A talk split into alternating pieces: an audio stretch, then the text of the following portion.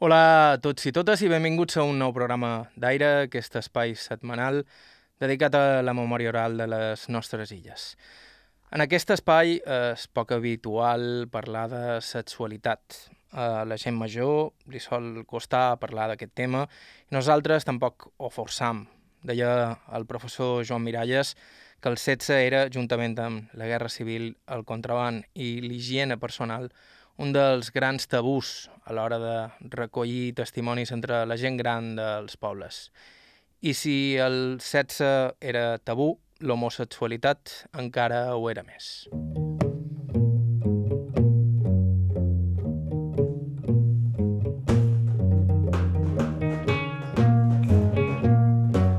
És cert que, de vegades, al llarg de les més de 100 entrevistes que devem haver fet per aquest programa, alguns ha fet algun comentari de passada. Als pobles de les illes sempre hi havia aquell home o aquella dona de la qual et sospitava cosa, però l'acord tàcit era que no se'n parlava i prou, i que si l'afectat no creava cap escàndol i era discret, podia continuar amb la seva vida sense tema moltes represàlies. És més fàcil conviure en les peculiaritats dels altres si no els hi poses nom.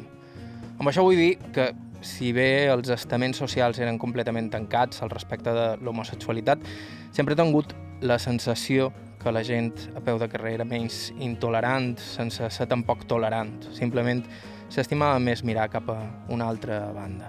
En tot cas, ser homosexual fa no tants anys no era una cosa fàcil i fins i tot varen estar durant molts anys perseguits per les lleis franquistes, la famosa llei de vagos i maleantes. El progrés des de llavors ha estat increïble, però s'ha guanyat pas a pas, gest a gest. La societat espanyola no ha regalat res i l'herència catòlica encara ho ha posat més difícil. I enguany, durant la celebració de l'orgull gay, les entitats que el promouen varen voler posar l'accent precisament en aquells primers anys de lluita pels drets de la comunitat LGTB, que varen començar just mort el dictador. Uns anys que el nostre protagonista d'avui va viure en primera línia. En el programa d'avui ens allunyam de l'era i de l'hort i parlam d'una realitat completament diferent, però també part de la nostra història.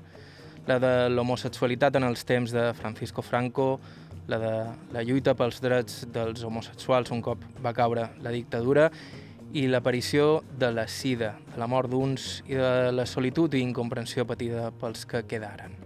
Estau escoltant Aire a IB3 Ràdio, vos parla Joan Cabot, començam.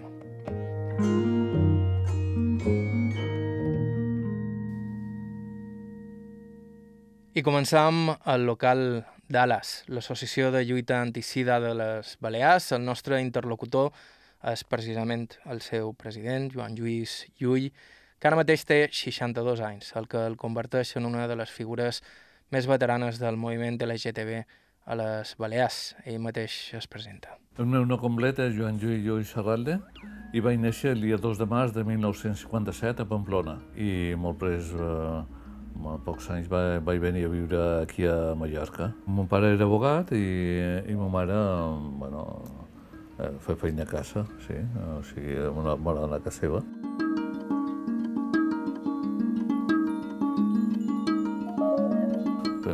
Mare era de, de Navarra i bueno, ja s'havien casat a la península i, havien, i van viure els primers anys eh, per allà.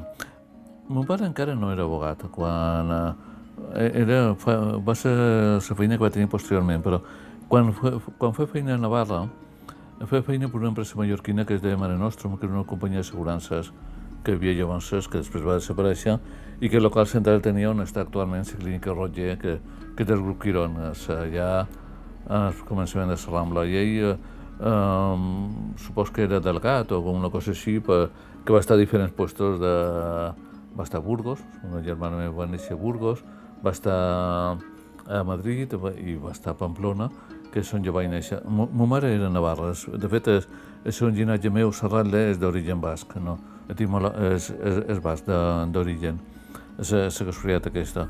I sí, i després va, ja va, va deixar l'empresa aquesta, Mare Nostrum, i bueno, havia fet la carrera de dret i ja aquí a Mallorca ja va, va començar a fer feina d'abogat. Ja ara ja fa uns 20 anys que va, va morir, ma mare també fa 24, no? o sigui, relativament joves, per lo que és avui en dia l'esperança de vida, i per lo que era llavors també, però bueno, o sigui, mm, o sigui, ma mare va morir en 68 anys i, i mon pare en 75. Sí, relativament per lo que és avui en dia l'esperança de vida, no?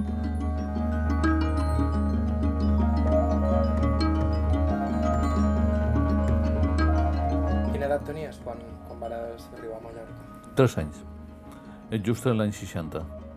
O sigui, jo va, just acabàvem d'obrir, és una, una idea d'aquestes que tens de, de nit, que no, no que hi hagi cap foto i tal, que vaig venir amb un avió que tenia un Lockheed Constellation, que era Super Constellation, que tenia tres timons de cola, de cua, després he, he vist quin, per això quin, quin model d'avió era, de, de Madrid aquí vaig, vaig venir. I, i a més unes instal·lacions que eren uns barracons que se van quedar que era justament quan havia traslladat a l'aeroport de Sant Bonet a Son Sant Joan, que eren uns barracons militars que se van habilitar com a aeroport civil.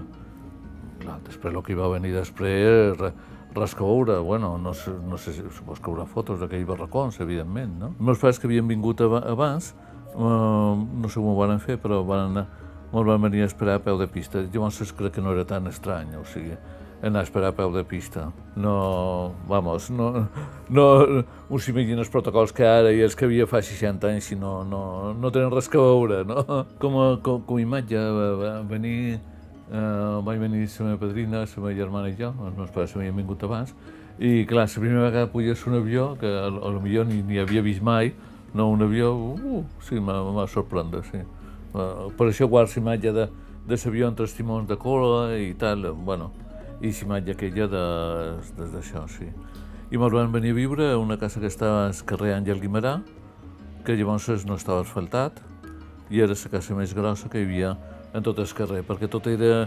Llavors l'Eixample, aquella zona de l'Eixample de Palma, en torno a la plaça de l'Obelisc i la plaça de Toros, era una casa de casa, una zona de cases molt baixes, de, de xalatats.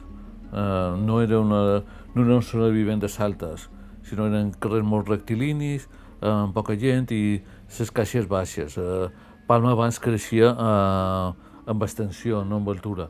Després ja no va quedar, quedar més remei que creixia amb alçada i de fet ara eh, de tot el carrer és casa més petita que hi ha perquè només té dos pisos i els altres tenen molt, molt, molt més pisos, clar. Però és que aquella zona, eh, entorn a l'arquitecte Ben Nasser, sí que és el carrer més gros que hi ha de vora, eh, Xiu Lluís Salvador, tot això era, era, era un, eh, Palma tenia un altre model de, de desenvolupament, de, de desenvolupament i, i aquella part de l'Eixample sí, era una zona molt tranquil·la. De fet, era molt habitual dir, visquent de vora la plaça de Toros, me'n vaig a Palma, no? Anar sempre a Palma, no? Ara, ara ja està integrat, eh, va. Eh? O sigui, però eh, el barri sí que sona... Bueno, el barri aquell se coneix com a plaça Toros o el barri del Coliseu, no? i després l'Amanecer, que també, també. I aquest continua sent de Cases Baixes, aquest encara, encara ara avui en dia. Quan va arribar a Palma, Joan Lluís Llull era potser massa petit per ser conscient del canvi, però sí recorda un petit detall, l'estranyesa que li produïa la proximitat de la mà. A lo millor una, una cosa, jo vaig conèixer la mà en els dos anys quan me van endur a Sant Sebastià uh, a conèixer la mà des de Pamplona, no? Això és una cosa més manco, no? I, i aquí tenir la mà tan de vora mm, era una cosa tan, tan sovint, una cosa que era tan estranya i tan especial, perquè clar, les comunicacions no eren igual i que un dia anar a Sant Sebastià a nedar i tal, pues era una cosa una mica... no, era, no se podia fer tots els dies, no? Anar, avui en dia autopista, hi ha 100 quilòmetres, Pamplona a Sant Sebastià, no és que se podia anar cada dia, però vaja, no? Però llavors era bastant complicadet anar de, de Pamplona a Sant Sebastià. Hi ha una anècdota d'aquestes familiars que sempre se conten, no? O sigui, que el dia que, que van endur a, a Sant Sebastià a conèixer la mà, és que me, me duen el cotxe, en fi, no sé, no era mon pare perquè mon pare llavors no tenia cotxe, no? Va dir, si no, si no te quitas el chupete no te llevo a Sant Sebastià. Va dir, ah, bueno, pues ja està. I des d'aquell dia no vaig, no vaig prendre mai, mai més el xupeta, no? Des d'aquell dia molt llevat, no? mai més, no. I aquí el tenies ben a l'abast, no? De fet, les primeres vacances eh, record que a aquí van ser a Calabona, una casa així, eh, mig d'escamp, llavors l'any 61, 62, coses així. I tinc un record molt agradable, les primeres vacances aquí de vora la mà.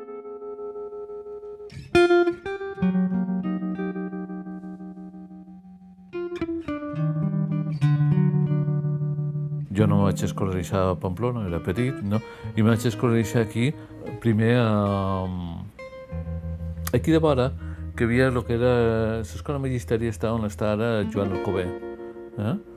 Eh, I era el que deien la normal, o la neja, me pareix que li deien, no? Que era bastant bèstia en el sentit de que cantaves sol, abans de la classe i coses d'aquestes, no?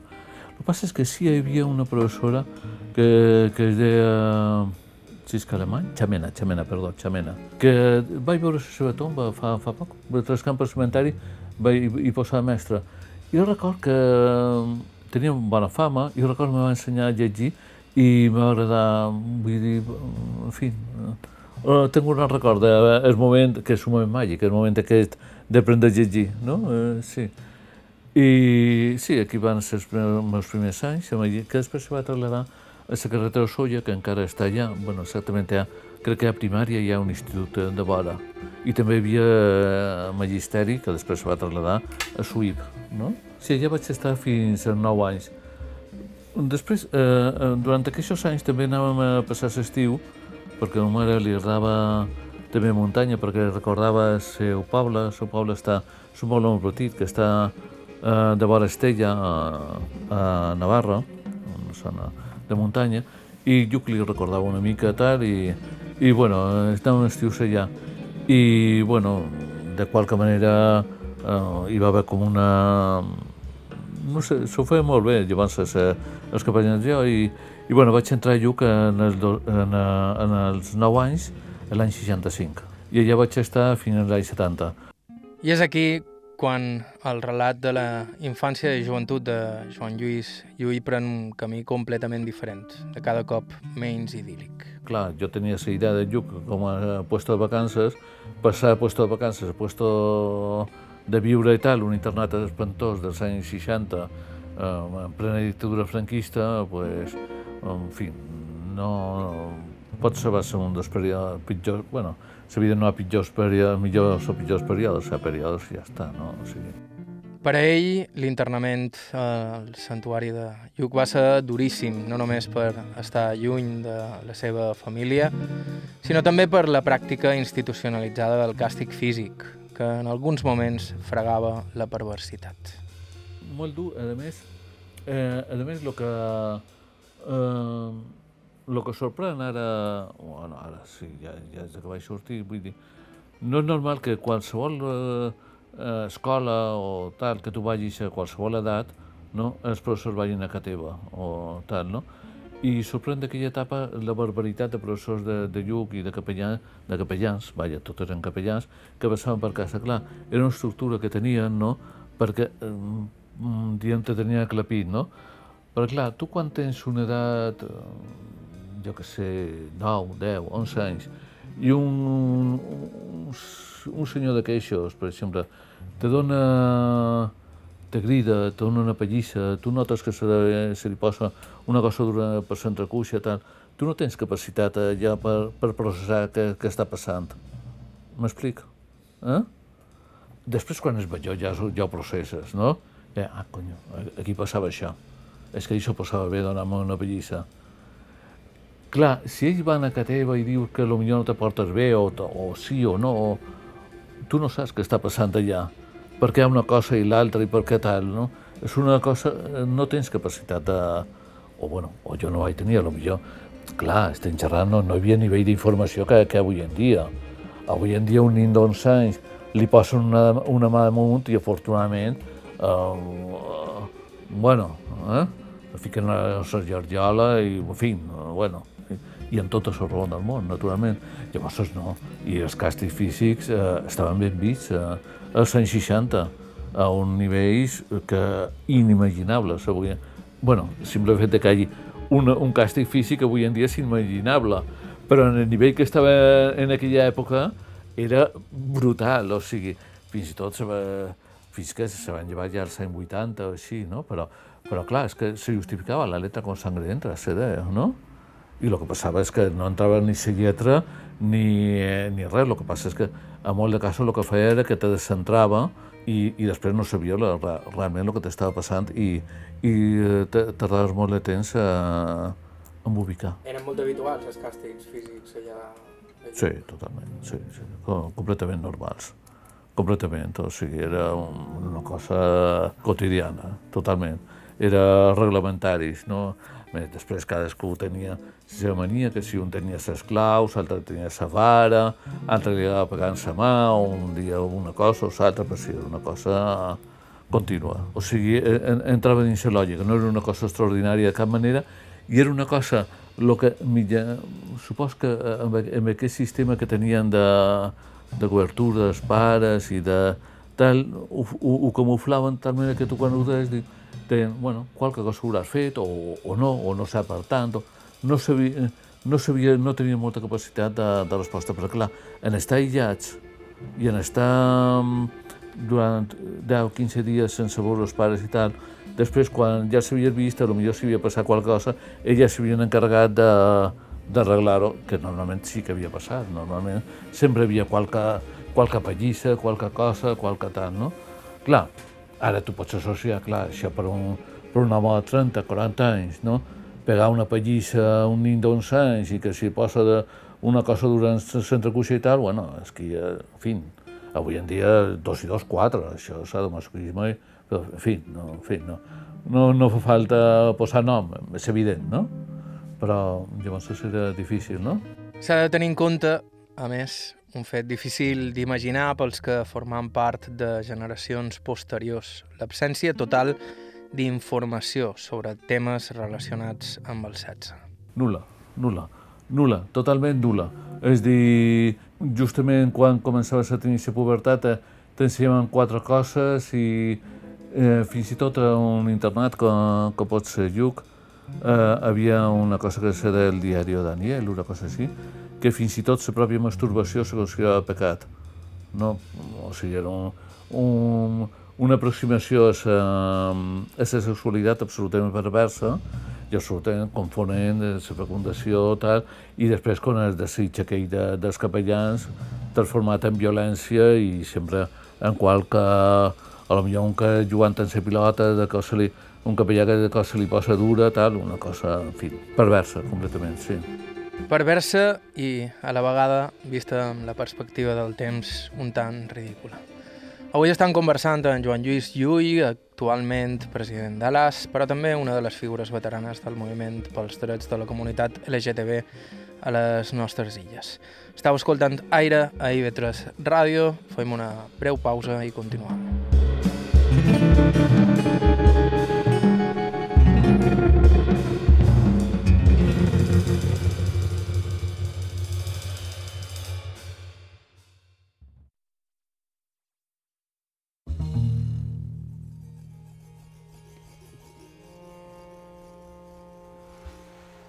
Hola de nou, estàu escoltant Aire a IB3 Ràdio, avui amb un programa al voltant d'un tema poc habitual per aquí, l'homosexualitat.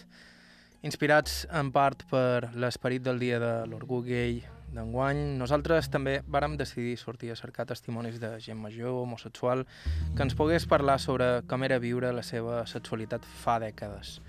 En uns temps molt diferents als d'avui en dia, tot i que sovint sembla que molts dels progressos que han fet seran sempre precaris.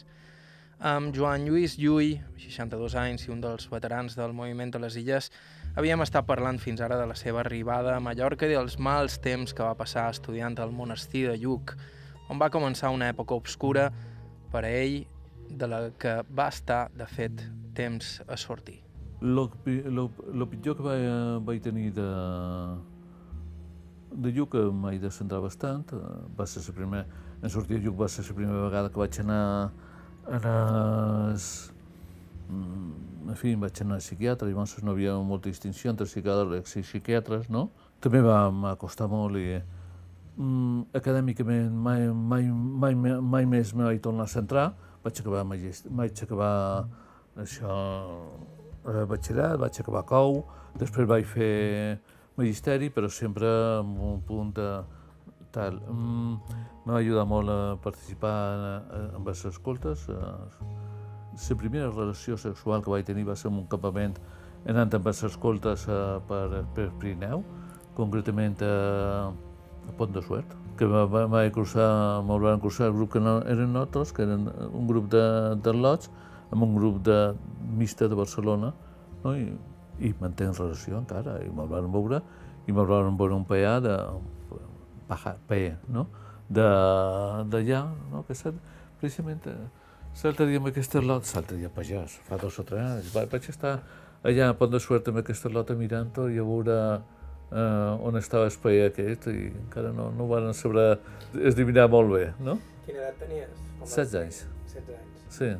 I sí, més manco jo crec que més manco, això són coses que no... Però crec que sí, bueno, amb aquesta està clar, tenia 16 anys, no? I després en Vamos crec que eren de 8 anys. Que passa, clar, la primera vegada que vaig estar amb una mà, vaig dir, ui, i això és molt més divertit del que jo pensava, no?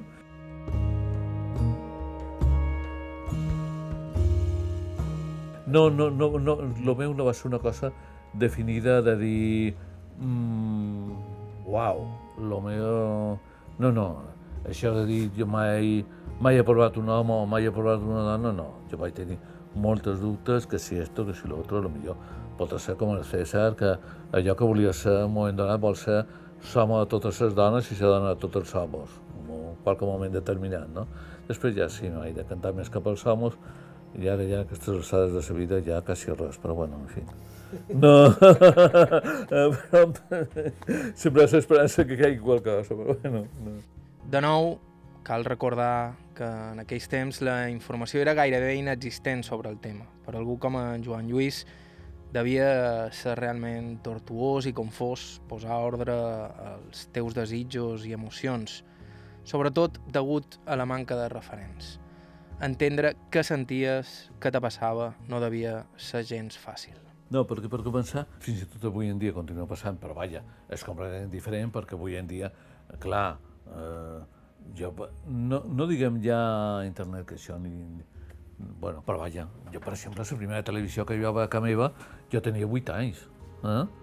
Doncs televisió, i amb un canal. No diguem ja altres coses, o sigui, no... I, i referències abans de la mort d'en Franco, molt nules. El que passa és que hi havia una cosa que eren habituals, en certa mida habituals, les pràctiques sexuals entre homes, eh, perquè en, en l'estat l'educació segregada, no? no tenies contacte amb dones i era d'una manera mm, com a certa, una cosa una mica en el moment, pues, sí, que les primeres relacions no fossin dones, sinó que fossin amb homes, tinguessis després les eh, preferències que tinguessis. Jo vaig tenir eh, relacions amb homes que posteriorment han tingut tota la seva vida heterosexual, però era el que hi havia. Avui en dia dubto que... No, impossible, no, no, no és possible que passi això. Vull dir, perquè clar, era, era a partir d'una educació segregada que no començava a anar amb dones fins de 8 anys, no? Eh, llavors era, era molt possible que d'una manera, diguem-ne, no, no, sí, natural, o sigui, el que tenies de vora el que tenies, no? I quan se fort apretava, doncs pues mira, no? Quan els homosexuals de Palma en aquells temps només podien aspirar a l'amor en la clandestinitat. Durant dècades, la zona de la Morada de ses Voltes va ser un lloc d'encontre habitual, però sempre hi havia el perill de ser detingut per la policia franquista. De vespre, a les ombres, que no estava, clar, fa 40 anys no estava tan, tan il·luminada com ara, ni, ni, ni bon tros, no? O sigui, i sí, eh, era, era, avui en dia diríem que era un de cruising aquest de cruising avui en dia, crec que també el cruising se fa per internet avui en dia, però bueno. Clar, i coses que se feien de banyos, d'això, però jo això ho vaig conèixer perquè, clar, jo també tenc l'edat que tenc i ja, una vegada molt Franco ja van començar a obrir bars, no? I ja ses, plaça Gomila va començar a tenir bars i va haver bars per centre de Palma, o sigui, ja tot d'una se va... La llibertat se va, en aquest sentit se va notar molt ràpidament, no? encara que la llei de eh, bueno, que ja no era llei de vaga de ser de prioritat social, no es va mm, eliminar tot fins l'any 95.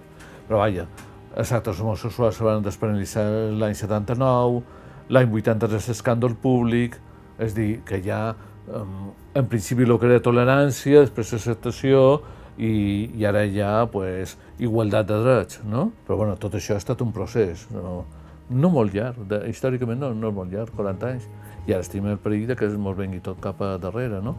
Un procés que va començar un bon dia quan va morir el dictador i va caure el franquisme. I va ser com passar del blanc i negre a la televisió en color. En el moment en què va mm, va morir Franco i va haver transició, va ser una explosió tan enorme que pareixia que tothom tenia que buixar amb tothom, Te, havia que provar totes les drogues del món i, bueno, jo eh, ja m'agafava la mort d'en Franco ja estava al Partit Comunista, ja, llavors, no? I ja, ja abans de, de la mort, de set anys, vaig entrar, coses així, no? I, eh, i sí, va, a cercles on no havia arribat mai eh, la droga i va arribar. No? Clar que nosaltres, jo mateix, quan dic droga, me refereix a, a l'heroïna, que jo mai vaig, vaig provar, que és la droga la generació, la droga que va fer més mal a la meva generació. Hi va haver moltes més.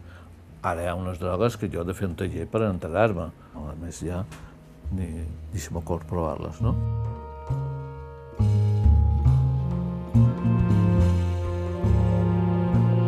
Hi ha una exposició ara, que s'ha Solleric d'Antoni Socies, que rememora de, de, de, qualque manera eh, eh, aquella època, eh, sí.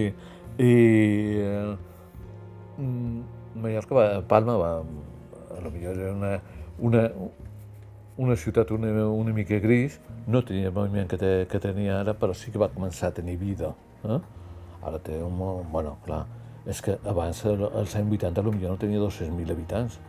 Palma ara té mig milió, en fi, això, en fi, està, està desbordat, no?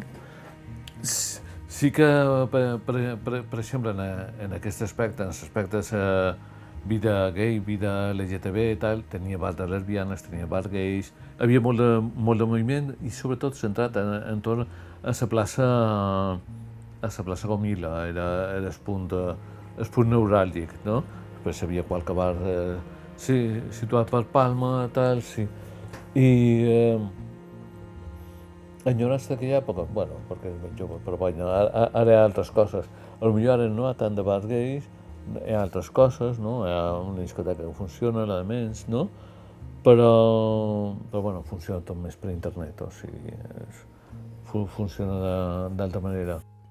Quant a les seves primeres experiències sexuals amb homes, Joan Lluís Llull Explica que la sensació imperant era la confusió, però a poc a poc va anar trobant gent afí implicant-se en l'incipient moviment d'alliberament gay postfranquista. Confós perquè, perquè faltaven, faltaven referents, no? però al mateix temps, a poc a poc, pues, pues sí, va, vaig estar més definint i, i de fet, estant en el Partit Comunista, ja, ja estava també Juanito López i, i un parell més, i ja d'aquí ja, ja va sortir a partir de, de, del Partit Comunista i gent de Comissions Obreres el que era el Front d'Alliberament Gai de, de les Illes, eh, una mica inspirat en el Front d'Alliberament Gai de Catalunya. Juanito era un personatge, en fi, que, que treia molt i provocava molt de i molt de tal. Era, de, posteriorment, quan se'n va anar a Barcelona, va muntar, va, va, ser, va, va actuar un parell d'anys a cabarets i tal, no? I, bueno, se, se van fer qualque manifestació, qualque... Eh, va haver una protesta molt grossa l'any 86, quan eh, Ramon Aguiló va tancar un parell de bars eh, d'ambient en eh, pel centre de Palma, per, per sobre les Atarasanes, i, vaja, aquest moviment del Falli està, és, dir, Falli està molt concentrat en la figura de, de Juanito, encara que participem altres, altres no? Està, eh, està molt centrat. Ara, és el primer moviment, el primer, el primer intent d'organització de, illes i va tenir la seva repercussió.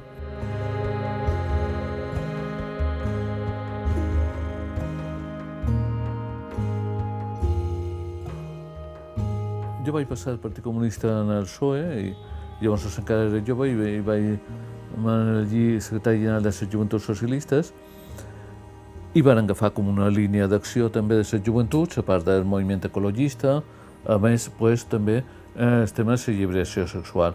Entonces, en un sentit ample, que després ja se va concretar amb els anys en cosa, no? però en principi era l'acceptació de totes les formes de sexualitat, no anàvem massa més enllà, no? Això era l'any 83. I record, eh, jo vaig coincidir com a secretari general del PSOE amb eh, Pep Moll, i eh, que ara ja, eh, ja va morir fa uns anys, i Fèlix Pons, que també va, va morir fa uns anys, i recordo que de vegades venien a congressos nostres i els feien convertir en Juanito i tot això. bueno, s'ho tenien que... Més, oh, de vegades si ho acceptaven, evidentment, però li, li sonava una mica estrany, perquè la visió que hi havia als principis de la transició era que sí que se tenia que acceptar la homosexualitat, però que no era lo normal. Lo, no era, normal era home, dona i fills, no... L'altre eren coses raretes que, mira, se tenien que tolerar. I això mm, va, de, de qualque manera, bueno, se va tenir que anar ficant dins el pensament de, de, dels partits polítics. Però clar, estic xerrant de fa 40 anys, no, no la setmana passada. Eh? Però just donades aquelles primeres passes cap a la llibertat, la comunitat LGTB va topar-se amb un enemic encara més temible que la repressió franquista, la sida.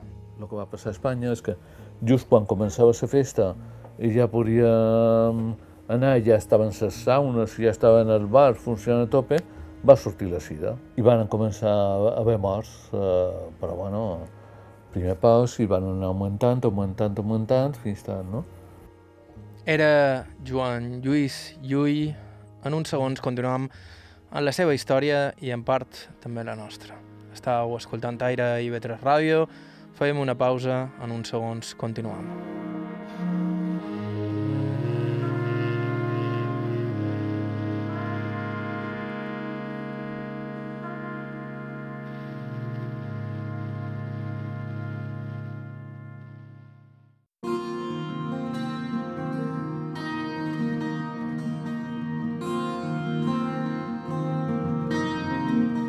Hola de nou, això és Cibetres Ràdio, estàu escoltant Aire, un espai dedicat a la memòria oral de les nostres illes.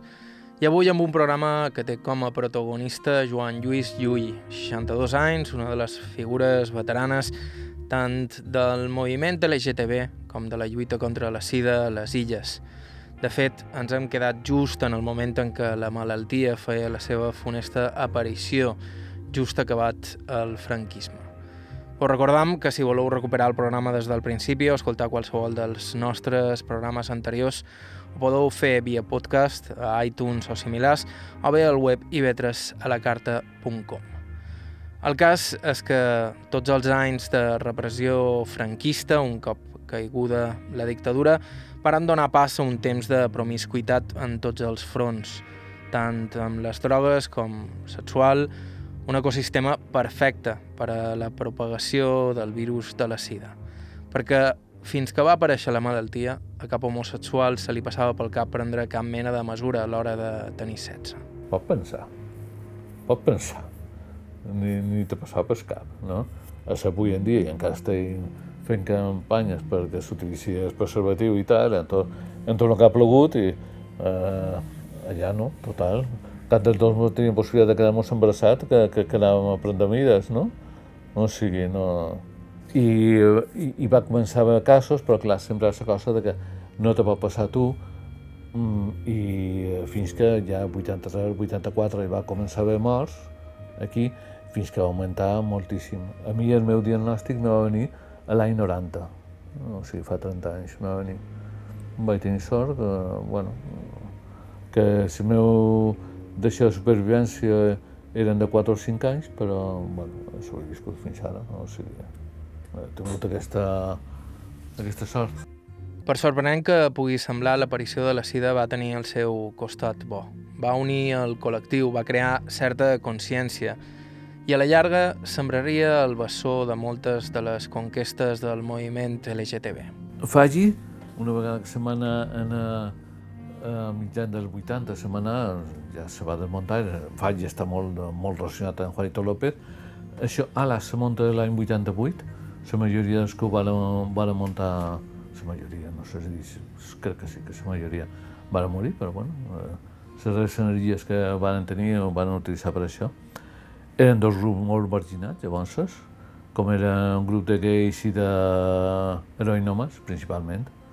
Ara tenim, ara tenim moltes dones, eh, i no, no heroïnòmenes, sinó, bueno, però també continuem tenint molts d'homes que tenen sexe amb homes, no? Però, pues, eh, això va ser una reacció de, de la comunitat. Muntaven associacions per autodefensa, per defensar els drets, igual que va haver San Francisco. A més, moltes de les avanços que ha hagut en el moviment eh, gay, LGTB, eh, a tot el món, i també aquí han estat, eh, per l'organització que va haver com a defensa, com que ningú defensava una vegada que, que tenia la malaltia, pues va ser per defensar els drets, per defensar el dret a la curació, i s'ha avançat una, una borrada, no? I una de les coses que va impulsar molt la legalització de les parelles del mateix sexe i posteriorment el matrimoni va ser que quan hi havia tantes morts, parells que estaven visquent junts, parells que havien estat cuidant el malalt fins al darrer moment, llavors com que no hi havia cap vincle legal, la família se quedava tot, tot el que... Eh, i se trobava, i la parella de, de, des que, de, del que havia mort se trobava que li, li canviaven l'espany de la porta i tot. I després d'haver viscut, d'haver cuidat a qui estava malalt, que potser era un que havia estat rebutjat per la família, llavors eh, ell, la família se quedava en tot. I aquí va ser, se va, va ser un moment per accelerar el procés, diguem, de legalització, primer les parelles de fet, i primer a Espanya, després a molts de països, moltes coses, no?, que, bueno, ha, estat una conquista de drets que no és igual en tot el món ni de bon tros, no? Aquí precisament ara estan venint gent de països que encara estan en perseguits, ja sigui Àfrica, la igualtat de drets no, no és igual, encara hi ha pena de mort per, per fet de seguir a molts de països del món. Espanya s'ha avançat moltíssim, sí, eh, i, i, i, queda, i queda molt per recórrer, queda, sobretot assumir-ho a les escoles, eh, assumir-ho aquestes estupideses que diuen de, que és manipular els lots, o sigui, l'educació en si mateixa tu enfoques com una banda cap a l'altra, tal, i després eh, tens lliure... Si, si no, com, com serien tots els que venim del franquisme, com, com, com serien, mare meva? Més, més manipulació que aquella és impossible, no? I, bueno, i mos en sortim, no? Després te, te fica un esquema escat i, i després diu, no, això no, eh, vull, vull aquesta altra, no? I ho fas, no? O sigui, però vaja, aprendre a l'escola, conviure, que hi ha diferents tipus de sexualitat, que cadascú té un tipus de sexualitat diferent i que al llarg de la vida la sexualitat va canviant, no és la mateixa. Quan tens 20, 62 anys que quan tens 26, no ho és, evidentment que no ho és, no? Però bueno, t'has d'adaptar a cada moment i cada circumstància i tal, i viure la sexualitat. Eh? Igual que hem d'aprendre avui en dia, quan ja fa un parell de generacions que no passen fam, vaig néixer que a Espanya es van acabar les cartilles de racionament l'any 53. Jo vaig néixer el 57. Quan hi ha una cartilla de racionament és que menjar pues, tens arròs i tal, i bueno, el que te ve és la cartilla. Quan no, pues vas al supermercat i agafes, pues ara vull arròs, i ara vull espagueti, i ara, i ara vull carn, i ara peix, o no, ara me faig vegà, o, o el que sigui, i tries, i te pots fer la teva dieta, no? Doncs pues clar, si hem passat la sexualitat, que era una cosa segons sigles o i tal, i tota ideologia dominant heteropatriarcal que se diu, no? que era només d'anar i tenir, tenir fills a tenir a gaudir del teu propi cos, com òrimment entenguis, i tal, i tal, doncs, bueno, llavors ja saps que és per comunicar-te, saps que és una facultat que tens, igual, però per disfrutar de, de, de sa vida. I després ja aprens i la vius com vius, no? No, no una sola manera, eh? 7.000 milions de viure la sexualitat i cadascú la viu com bonament eh, entén i vol. No? Tornant a la seva història personal, per edat, en Joan Lluís m'explica que, per exemple, mai va sortir de l'armari, com et sol dir, amb els seus pares. Sí, amb amics i altres familiars, però amb son pare i sa mare la cosa es donava per entesa i no calia parlar-ne. Una pràctica bastant habitual a aquella època.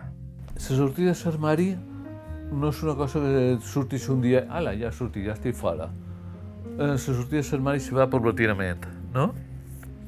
I, o, o, millor dit, a cada grup on ets, no? De cop eh, estàs un grup i de cop te penses que tothom, bueno, diu, jo amb aquest cos com a, bueno, jo m'he descobrit, o m'he dit, jo 84 i pes de 100 quilos, i no, no és un cos com per ficar un armari fàcilment, no? Però no, cada vegada sí, ho, ho has de dir i tant. I amb els pares no, als pares no li has d'explicar res, ells ja ho saben, no? Després està que ho vulguin xerrar o no. Eh? Tu vares xerrar mai amb els teus pares? No, ho sabien, xerraven a mitges paraules, però no... Mai, mai no sé si ocupa més... No, això és, són coses de l'època i ja està. Hi ha, hi ha molts de, de la meva època que en un moment donat, pues, per les raons que sigui, a lo millor perquè ja ho sabien i no feia falta xerrar-ho, ja està. O sigui, que, que havia d'explicar. Un, un de la meva generació que amb 40 anys no s'ha casat i tal, i bueno, està, en fi, no, eh? Amb una dona, naturalment, no? O sigui, hi ha, hi ha poques coses que, i que vam, vamos, tal, o sigui, hi ha poques coses que explicar aquí, no? Però així, és, és el meu germà, el meu germà, sí, això sí, des del primer moment i tal, o sigui, això, això sí. El que passa en molts casos, i en aquesta generació no són l'únic eh, cas que, que s'ha donat, que els pares simplement no ho volen saber, no?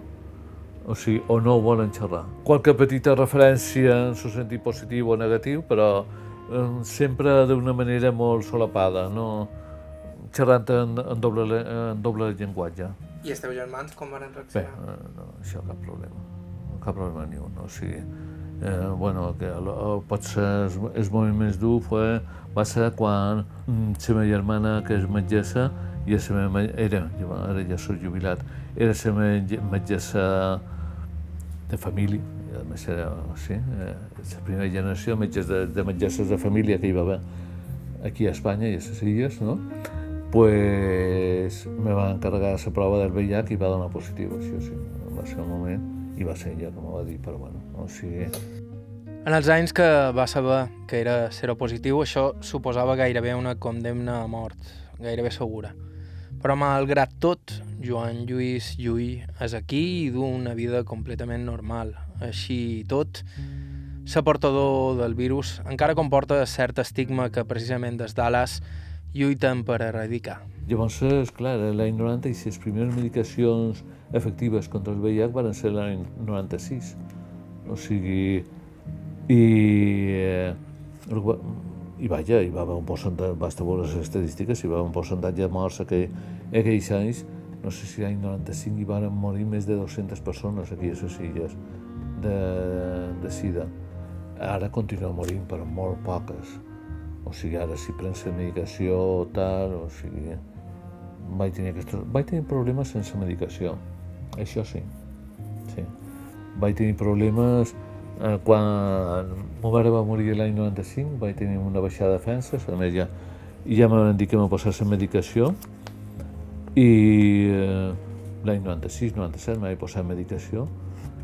I va, vaig tenir una reacció molt adversa, mm, anèmia, depressió, eh, m'han tenir que operar de ginecomàstia, però vaja, era, era, era una les primeres medicacions eren bones, en sentit no te de sida, però tenien uns efectes secundaris brutals. Ara hi ha uns còctels fets a mida, eh, tal, i te dona...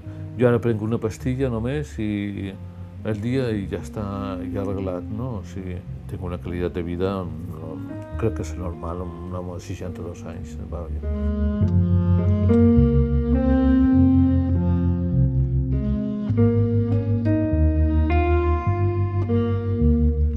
Supos que, que tot, perquè a, a lo millor falta, falta informació, nosaltres fem molt d'esforç per dir, a més, aquest any mateix anàvem a la manifestació de, del dia d'orgull de l'LGTB, amb una pancarta que deia intermissible, igual, indetectable igual a intransmissible, és dir, sent que ja estem indetectables, que avui en dia és que estem seguint la medicació, molt de casos estem indetectables, és dir, que eh, la quantitat de virus a sang que tenim no, en fi, pues, o sigui, no, no poden transmetre el virus. Això que has de tenir que també per transmetre el virus t'has de posar, eh? no, no se transmet de qualsevol manera. No se transmet un moscar, ni bueno, que abans no se sabia, però bueno, ja està molt clar, les vies de transmissió són molt determinades, tal, se, pot convertir tot i tal. Cas de que l'altre pugui transmetre, però és que, a més, en el cas concret de, de ser medica, de, dels que estem medicats i estem, que som indetectables, no, no ho poden transmetre de cap, de cap manera.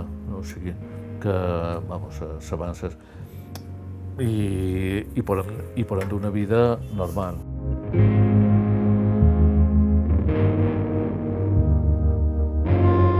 Aquí volia fer un, puc fer un comentari, si, si me deixes, no? Com que jo vaig, vaig començar anant en dones i homes, no? Notava molt la diferència que quan anava amb una dona havia una tendència a fer parella tot d'una rock, no? En canvi que com un home te, te fes ja mig que Sutra i després, bueno, cadascú pel seu costat, no? Moltes vegades funcionava així. I pensava que al llarg de temps això aniria evolucionant d'una altra...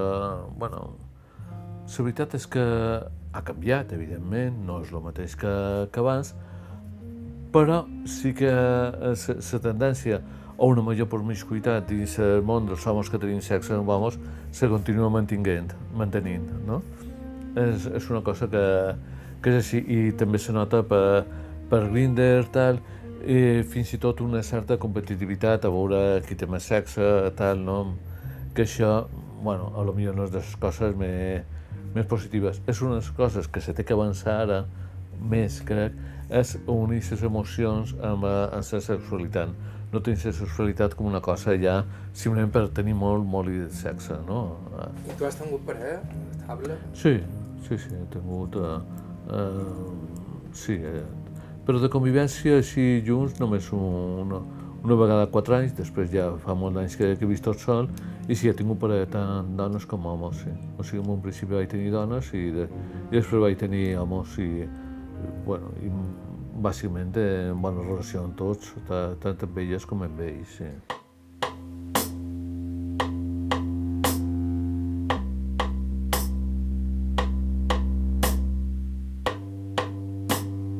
Era Joan Lluís Llull, com hem dit a l'inici del programa, president d'ALAS, Associació de Lluita Anticida de les Illes Balears, i un veterà del moviment de la GTB a la nostra comunitat. Algú, per tant, amb una perspectiva privilegiada per donar sentit al moment que vivim ara mateix, en què tants avanços que donaven per segurs semblen posar-se de nou en dubte. Els fatxes s'han sortit de l'armari. De totes maneres, no mos s'han d'espantar, vull dir, el, el mateix Partit Popular va, va estar contra la llei de, de matrimoni igualitari. Encara no s'ha normalitzat veure dos homes, dues dones de la mà pel carrer. No s'ha normalitzat encara del tot, se veuen, evidentment, faltaria que no sabessin, no? Eh, encara hi ha coses d'aquestes que té molt de camí per, per recórrer, eh, vull dir, i quan hi ha partits, eh, diríem que volen llevar una festa tan consolidada com és l'Orgull de Madrid, que el volen dur a la Casa de Campo, llevar-lo al centre de Madrid per, tal, per no sé què, los niños. Ja passes enrere, vull dir, s'abans no sempre cap endavant. De Franco va, va, va representar un, una passa enrere de no sé quant de segles, en fi.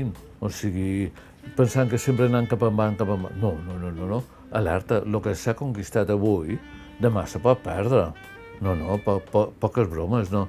I hi ha gent disposada, vull dir, hi ha gent que li fan, hi ha molta gent amargada, moltíssima gent amargada, que no consent que, els altres són feliços, hi ha gent que fins i tot li molesta que un home i una dona se donin un petó de que, eh, per el carrer perquè li espanta, per, perquè hi ha gent, gent que viu, viu amb, amb amargura i, bueno, no, clar, no se pot constatar que siguin aquests que, que marquin el ritme de, de la vida, de la societat, no?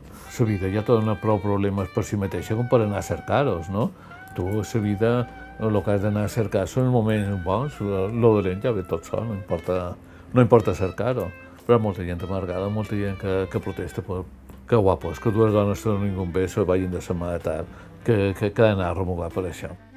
I amb aquestes paraules acabam avui. Per qualsevol cosa, aire arroba ivetresradio.com, ens trobareu també a Facebook, Instagram i a Apple Podcasts i similars, a més de tenir tot l'arxiu del programa a ivetresalacarta.com. Producció executiva a càrrec de Bàrbara Ferrer i Kera Hernández a la tècnica, vos ha parlat Joan Cabot, Avui ens volíem acomiadar dedicant-li aquest tema a tota la comunitat LGTB i en general a tots aquells col·lectius que han estat maltractats per una cosa tan senzilla i bàsica com estimar. Fins la setmana que ve. We've come a Through the hard times and the good I have to celebrate you, baby.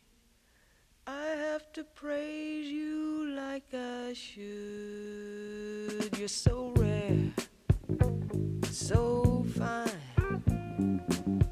I'm so glad you're mine. You're so rare, so so glad you're mine. You make me glad I'm a woman. Cause you're a feeling, thinking man. And anytime.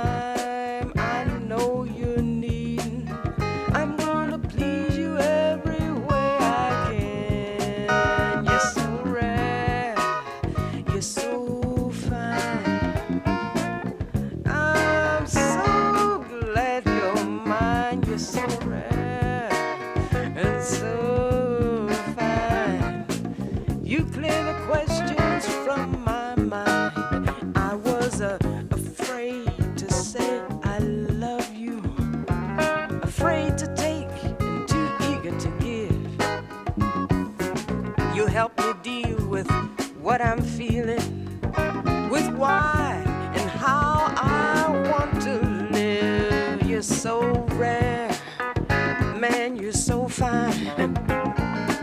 You know,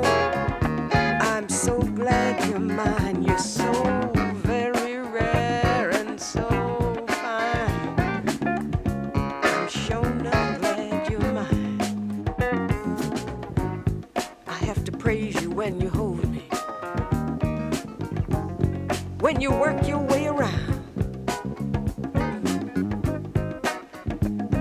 Ain't a part of me left over that your sweet love ain't found. You make my my moan turn to whisper.